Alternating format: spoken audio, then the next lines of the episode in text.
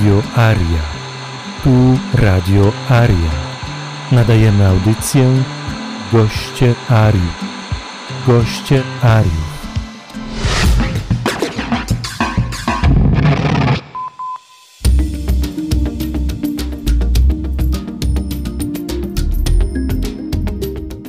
Mamy jeszcze trochę czasu na zadawanie pytań, także otwieramy się teraz na możliwość dyskusji z Państwem. Jeśli ktoś ma coś do podzielenia się, jakąś swoją przygodę, historię, krótko, albo jakieś pytanie, to bardzo prosimy o ich zadawanie.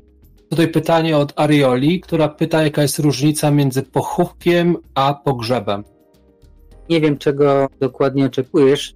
Właściwie to są synonimy zamienne, a więc pogrzebanie zwłok zazwyczaj wiąże się ze złożeniem tych zwłok w ziemi albo w grobie, natomiast pochowanie może być po prostu postrzegane bardziej jako rytuał uszanowania tych zwłok i może wiązać się z różnymi innymi sposobami, takimi jak chociażby w Tybecie pochowanie poprzez powietrze, czyli no tam się po prostu ćwiartuje zwłoki na Świętej Górze, ich skarmia się tym sępy, żeby jeszcze jakieś inne żywe stworzenia miały korzyść z naszego ciała, które zostawiamy tutaj i inaczej by się zmarnowało, a tak przynajmniej nakarmimy jakieś głodne stworzenia. Także być może pochówek jest trochę szerszym znaczeniem niż sam pogrzeb. Dziękuję. Wystarczy łapka w górę i udzielimy głosu. Dobrze usłyszeliśmy, Artika? Przepraszam, chyba nie włączyłam mikrofonu. Więc mam takie pytanie, jaki macie pomysł, sposób na jak najszybsze wyjście z tego koła karmy, na przykład gdy spotykają nas jakieś tam określone sytuacje, których już byśmy nie chcieli więcej. Jaki jest na to najlepszy sposób według Was? Najlepszy sposób to się oświecić, czyli wejść na ścieżkę praktyki. Określasz cel, że Twoim najważniejszym celem jest wybudzenie się z iluzji i wyzwolenie z samsary. Po prostu trzeba podjąć praktyki, które to gwarantują. W naszych czasach jest wiele linii przekazu, głównie buddyjskich, ale nie tylko. Ja znam kilka skutecznych sposobów i znam paru nauczycieli, którzy do tego prowadzą. Zresztą sam też jestem na ścieżce Vajrayany i też praktykuję wielkie współczucie prowadzące do wyzwolenia, ale można to podejrzewam zrobić w łatwy sposób, używając szablonu, który działa i w trudny sposób, czyli szukając samemu takiej ścieżki, która może być równie skuteczna, ale może być po prostu dłuższa. Wszystko opiera się na akceptacji naszej rzeczywistości, na tym, żeby życzyć szczęścia wszystkim czującym istotom i samemu rozwijać w sobie uważne współczucie nakierowane na konkretne działania, czyli na to, żeby również umożliwiać poszerzenie świadomości, wyzwolenie z cierpienia wszystkim innym istotom, czyli działanie na dużą skalę, propagując dobro i prawdę w tej rzeczywistości. Więc jeśli będziesz potrzebowała konkretnych wskazówek i kontaktów, to jak najbardziej będę mógł Cię gdzieś pokierować i podzielić się też swoimi doświadczeniami i obserwacjami. No, w inny sposób no, ta karma samoistnie ulega wypaleniu, jeśli przyjmujemy te lekcje karmiczne również z pokorą i zrozumieniem, czyli nie buntujemy się, nie walczymy, rezygnujemy ze swojej dumy, z ignorancji, zazdrości, z gniewu i z chciwości. To są te główne trucizny umysłu, które nas tutaj trzymają. Jeśli nad tym pracujesz w codziennym życiu, to ta karma będzie się zmniejszać i tak. A jeśli nie powodujesz cierpienia, jeśli świadomie wybudzasz się i pomagasz w tym wybudzeniu innym, to i tak jesteś na drodze do wyzwolenia, z tym, że od ciebie zależy, czy chcesz wcielać się tu kolejny raz, czy chcesz to zrobić za jednym zamachem i dlatego zgłaszają się tutaj różne linie przekazu, które na przykład, nie powiem, że dają gwarancję, ale według ich statystyk możesz oświecić się w ciągu 30 lat intensywnej praktyki w tym życiu. Jest to do zrobienia. Na bardzo intensywnych ścieżkach można to skrócić o połowę, ale to są bolesne ścieżki. Jeżeli mogę podpowiedzieć i zasugerować, to chciałbym zwrócić w ogóle uwagę na to, że podczas naszego życia wielokrotnie to życie zmieniamy, łącznie z tym, że łatwo znaleźć w sobie ślady innych tak zwanych wcieleń, ponieważ mamy w sobie nasze dzieciństwo, naszą młodość, moment, kiedy pracowaliśmy w jakiejś firmie, korporacji, wojsku, moment, kiedy żyliśmy w innym państwie. I to są tak naprawdę osobne życia i jeżeli potrafimy coś takiego znaleźć w sobie i rozumiemy, jak doszło do tych sytuacji, co jest naprawdę banalne, to w zasadzie stryknięciem palców można wszystko zmienić bardzo szybko. Nie mówię tutaj nawet o miesiącach, przy czym prędkość i jakość wynika z determinacji. Oznacza to, że jeżeli faktycznie uważasz, że masz ciężkie życie, niefajne, to zakończ to życie, które masz diametralnie, niemalże jak przez śmierć i rozpocznij nowe, wybrane. Czyli wyobraź sobie swoją optymalną wersję i porzuć wszystko, co masz w tym momencie, w bezpieczny sposób oczywiście, żeby nie mieć jakiejś tam traumy, że porzucisz dziecko na przykład. Czasami jest tak, że oddasz dziecko, ponieważ jest to związane z bólem. Jesteś w związku, jesteś w relacjach toksycznych, musisz zmienić wszystko, to zmień optymalnie. I to bardzo dobrze działa. I podejrzewam, że to już nie jest kwestia 30 lat, tylko może 3 miesięcy. Z jakiegoś powodu ciągle 90 dni pojawia się na planie. Zgadzam się z Tobą, Marcinie, jak najbardziej. I takim momentem kryzysowym, który może zmienić nasze życie, jest chociażby myślenie lub podjęcie próby samobójczej. Ja będę miał jutro taką debatę na temat zapobiegania i przeciwdziałania samobójstwom wśród młodzieży, ale to zdecydowanie jest ten moment, kiedy można sobie uświadomić albo zabiję siebie, albo zmienię całkowicie swoje życie. I to jest ten moment właśnie kluczowy, który można wykorzystać do tego, żeby powiedzieć: Nie chcę już żyć na stary sposób, potrzebuję zupełnie czegoś nowego, czyli podejmuję nowy kierunek, zrywam ze starą tożsamością, ze schematami. Oczywiście one w nas żyją z jakiegoś powodu, są to pewnego rodzaju też kolejny myślowe, są to pewne projekcje, które zostały w nas wszczepione. Dlatego no to wymaga, tak jak powiedziałeś, albo ogromnej determinacji i silnej motywacji, która czasem pojawia się w życiu, albo wsparcia zewnętrznego, czasem też terapii, albo właśnie konkretnych praktyk, które spowodują zmianę naszych nawyków. I wtedy jak najbardziej można wstać z fotela i zacząć ćwiczyć. Można stać się sportowcem, można stać się muzykiem, można stać się podróżnikiem, można stać się pisarzem, można stać się kim chcemy każdego dnia. Mamy na to wpływ i to jest tylko i wyłącznie nasz wybór, nasza decyzja i za to musimy zapłacić odpowiednią cenę, czyli wykształcić się na osobę, którą chcemy się stać. To wymaga właśnie codziennej praktyki, determinacji, no i żeby zostać w czymś mistrzem, no znowu potrzeba tych kilkanaście albo kilkadziesiąt lat, ale to jest cały czas nasz statek, który pilotujemy i cel to jest nasz wybór. Także tu jak najbardziej tak. To jeszcze, Sebastian, jeżeli pozwolisz, kwestia ustawiania terminów, co ile trzeba, ja mam do tego ogromny opór z wielu powodów, z praktycznej wiedzy, że tak naprawdę to może się wydarzyć nagle.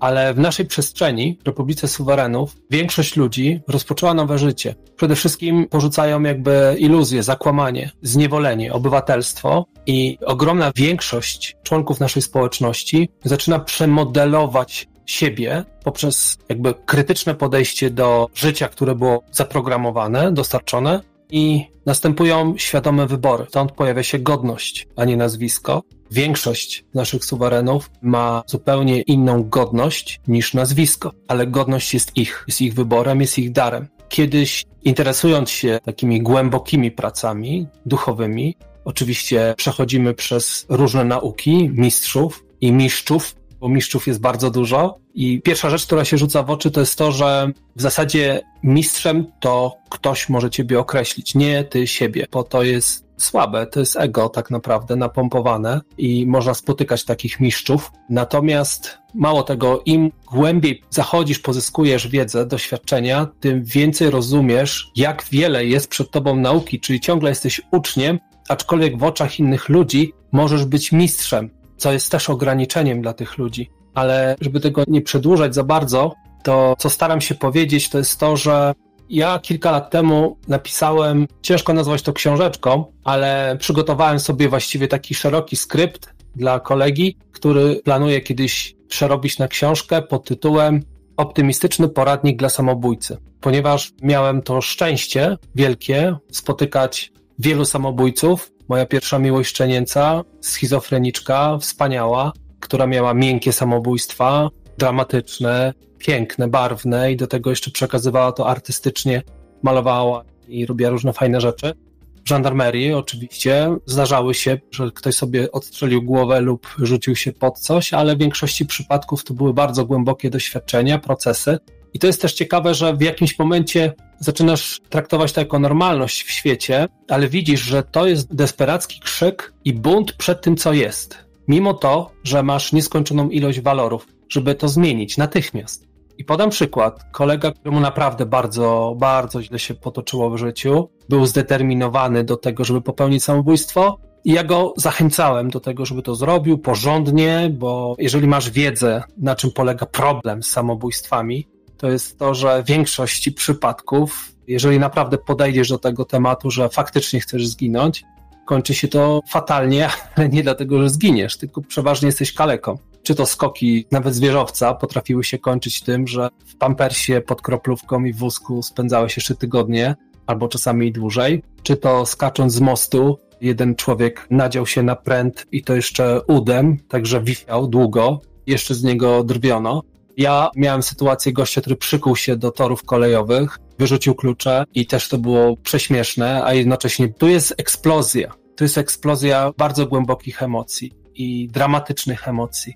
Ale czym ona się kończy? Ona jest w pewnym sensie jak orgazm i pojawia się spokój. I mój dobry kolega, który był w takiej dramatycznej sytuacji i mu wyjaśniałem, że zatruwanie się, czy to, czy tamto, jakie są ryzyko, że trzeba zrobić to porządnie, zrób porządek, żebyś w trakcie tego momentu przejścia, ja tam sugerowałem, żeby się powiesił. Powiedziałem, jak może to zrobić, i go prowadziłem do samego końca. Już tu wieszamy się, już, ale chodzi o to, że papiery zrobione, wszystko wyzbył się rzeczy i w ostatnim niemalże momencie powiedziałem mu, no, no to zaraz chłopie przejdziesz i zacznie się zygota, bulgotanie, różowe światełka, jak ktoś pamięta, to pamięta jak to wygląda, hałasy, może mama paliła fajki, moja paliła, Później ten proces porodowy, który jest średnio przyjemny, a potem leżysz jaka taka sardynka, którą wszyscy poniewierają w lewo, w prawo, klepią ciebie, jedziesz pod siebie, zaczynasz się uczyć chodzić i tak dalej, i tak dalej. Już nie mówiąc o tym, że różnie trafiasz z rodzicami, ale jeżeli chcesz, to ci zaproponuję drogę na skróty. I ten mój kolega mówi, jak na skróty? No, no co, zginę? To co się, za przeproszeniem, jeszcze w coś? Ja mówię, no wiesz, możesz bardziej to kontrolować. Jeżeli chcesz, znam bardzo dobrą metodę. Możesz ominąć pieluchy, możesz ominąć klepanie, może w szkole ciebie tam gnębili albo będą gnębić. Wyobraź sobie, co byś chciał w życiu, co jesteś wart, co jest najlepsze, co byś chciał doświadczyć. No i w efekcie tych naszych rozmów, już w momencie, kiedy jest pozamiatany totalnie, że już sznur gotowy, wszystko, metoda bardzo skuteczna i nie musisz się rodzić. Po prostu, jeżeli już jesteś gotowy na koniec tego życia, weź samolot, kup bilet. Jego marzeniem była jakaś egzotyczna, fajna wyspa ciepła i znajdź się tam nagi, ale już nikt ci nie musi podcierać tyłka. Masz ręce, nogi. Jeżeli będziesz chciał umrzeć, to umrzesz na pięknej wyspie. Bora Bora, notabene, fajnie brzmiało, nigdy nie był i myślał, że to by chciał zaliczyć. Wybrał się na Bora Bora z biletem w jedną stronę, zakładał, że tam się powiesi. No ma trójkę dzieci z jakąś tam sympatyczną panią i tyle. Także myślę, że dramat czyjś w oczach drugiego człowieka, który rozumie skalę procesów, może się okazać wspaniałą lekcją, wspaniałym doświadczeniem i bogactwem. Czyli, moi drodzy kochani suwereni, większość z nas rodzi się na nowo, ustalamy warunki, podnosimy poprzeczki, żeby to była wysoka jakość. Jeżeli coś ciebie stacza ze starego życia, to po prostu się od tego odwróć. Tak jak z ludźmi jest. Nie masz obowiązku w stosunku do kogokolwiek, kto jest dla ciebie toksyczny, prawda? I to jest rozpoczęcie nowego życia, według mnie. Także dzięki z mojej strony. Sebastian, bardzo proszę o głos. Dzięki tutaj za prowadzenie, za pomoc i za te cenne wskazówki. Jak najbardziej. Też się zgadzam tutaj z Tobą, że samobójstwo jest aktem desperacji u wrażliwych i świadomych osób, które nie zgadzają się na taki świat, w jakim żyją, ale mogą żyć inaczej i możemy wybrać swój świat wewnętrzny i współtworzyć nasze światy, które powstają w wyniku naszych wzajemnych relacji, działań i interakcji.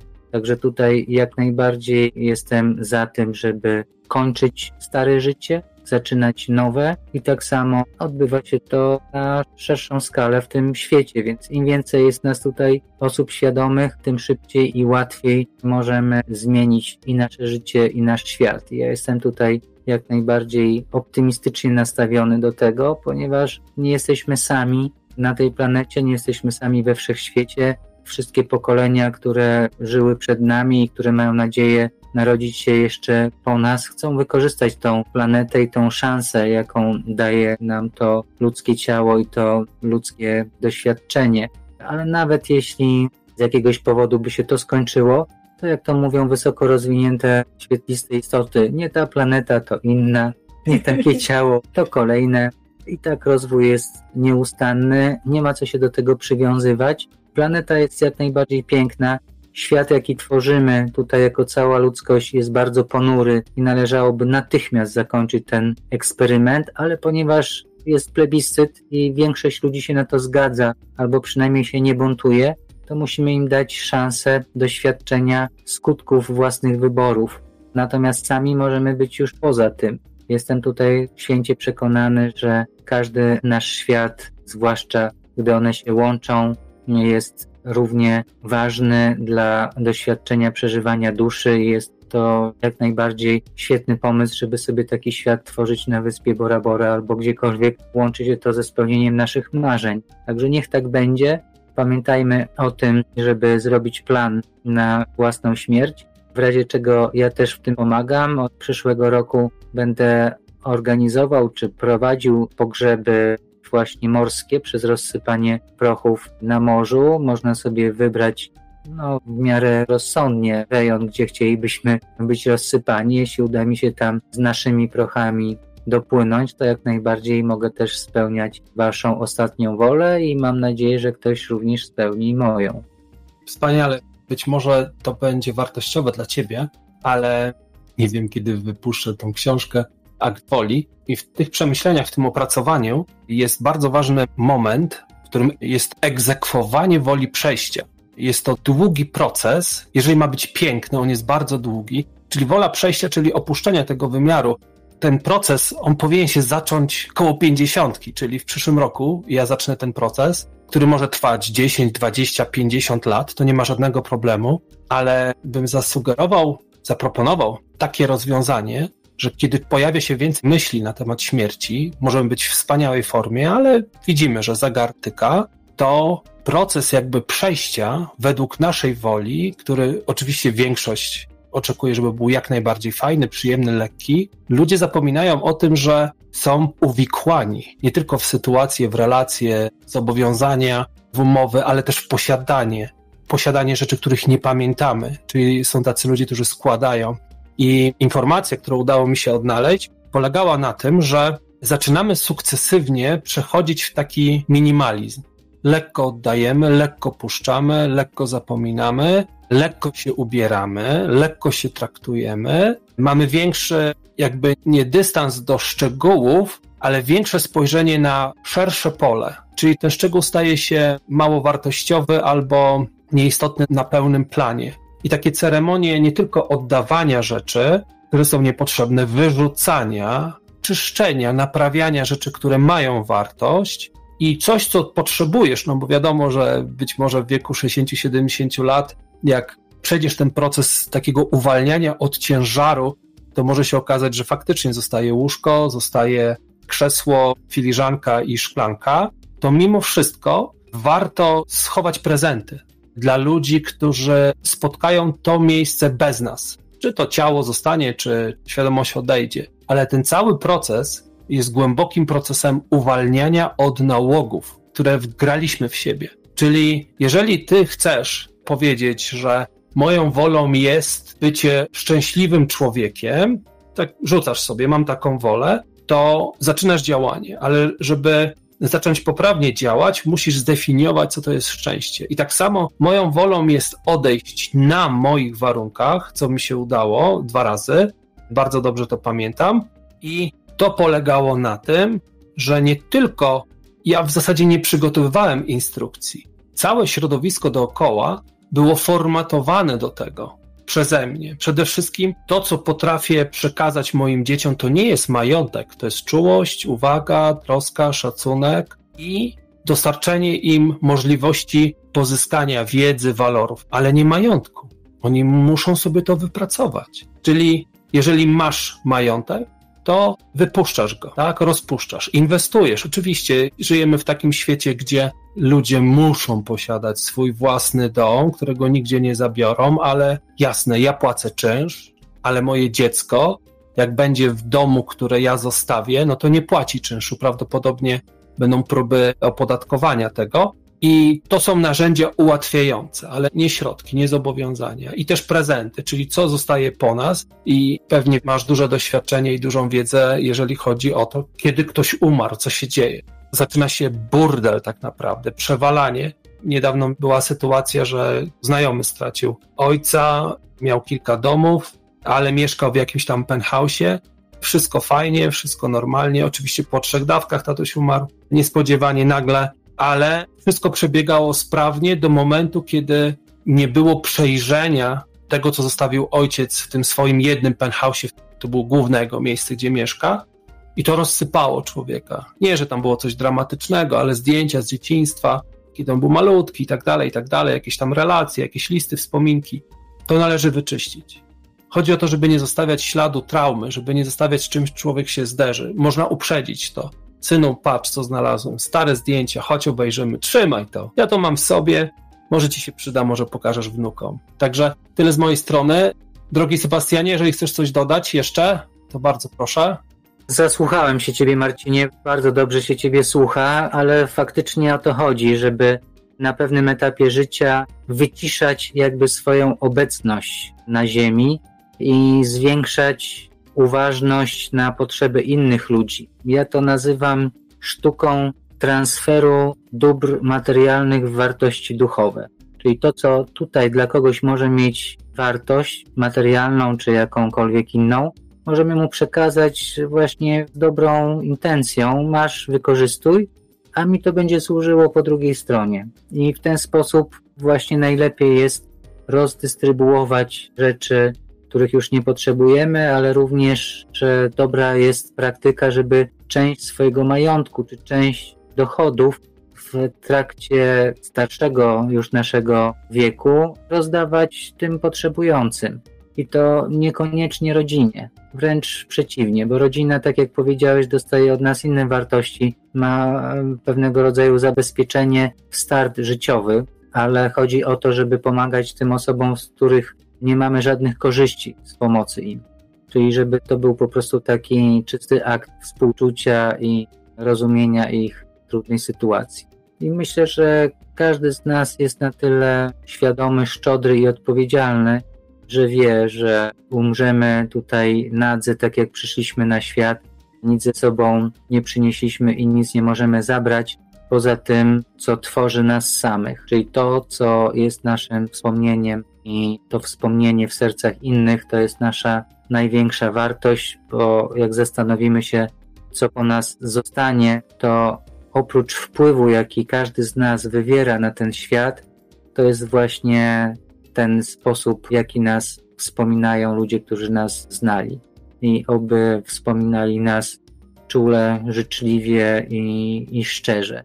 I to nas naprawdę napędza w tym świecie duchowym i niesie nas w górę, żebyśmy odzyskali swoje skrzydła do wniebowstąpienia. Także dziękuję Wam wszystkim za naszą dzisiejszą rozmowę, spotkanie. Dziękuję Ci, Marcinie, wszystkim, którzy przyczynili się do tego spotkania. Mam nadzieję, że ono nie jest ostatnie. Powstał tutaj pomysł, żeby stworzyć cykl audycji na temat śmierci. Być może uda się to zrealizować. Ja wkrótce wyjeżdżam za granicę, ale mam nadzieję, że będę tutaj na łączach jakoś dostępny i że jeszcze nieraz się usłyszymy. Też mam taką nadzieję, bo widzę, posłyszę, że dobrze Wam się razem rozmawia. Nadajecie na wspólnych falach Radia Aria. To z mojej strony wielki ocean serdeczności, Sebastian, za wspaniały temat, przekaz i drogę, którą praktykujesz, prowadzisz. Ariuna, świetnie, cieszę się, że jesteś i i cieszę się, że Ewa Krzemieniecka ma tak wiernie podniesioną rękę do góry. Może damy jej przestrzeń, żeby jeszcze wypowiedziała ostatnie słowa. Czy pytanie, czy Ewa się już przestraszyła i zrezygnowała? Ja się nie przestraszyłam, ale to było niechcący, bo chciałam sprawdzić, co tu się odbywa, co to jest za ikonka. ale było bardzo miło posłuchać i też proszę o więcej. Bardzo mi się podobało. Dziękuję. Cudownie, bardzo Ci dziękuję za tą uwagę. Ja z mojej strony wszystkim dziękuję za poświęcony czas i tylko chciałbym Was zostawić z jedną myślą, która bardzo długo jakby mnie prowadzi, że chciałbym pozostawić po sobie coś niematerialnego, ale większego ode mnie. I to wszystko. Serdeczności, cześć. Zapraszamy do odwiedzenia naszych stron. Zapraszamy do odwiedzenia naszych stron ariowie.com, jak i do rozmów na naszym kanale głosowym. Wszystkie linki znajdziesz w opisie. Zróbże ten następny krok.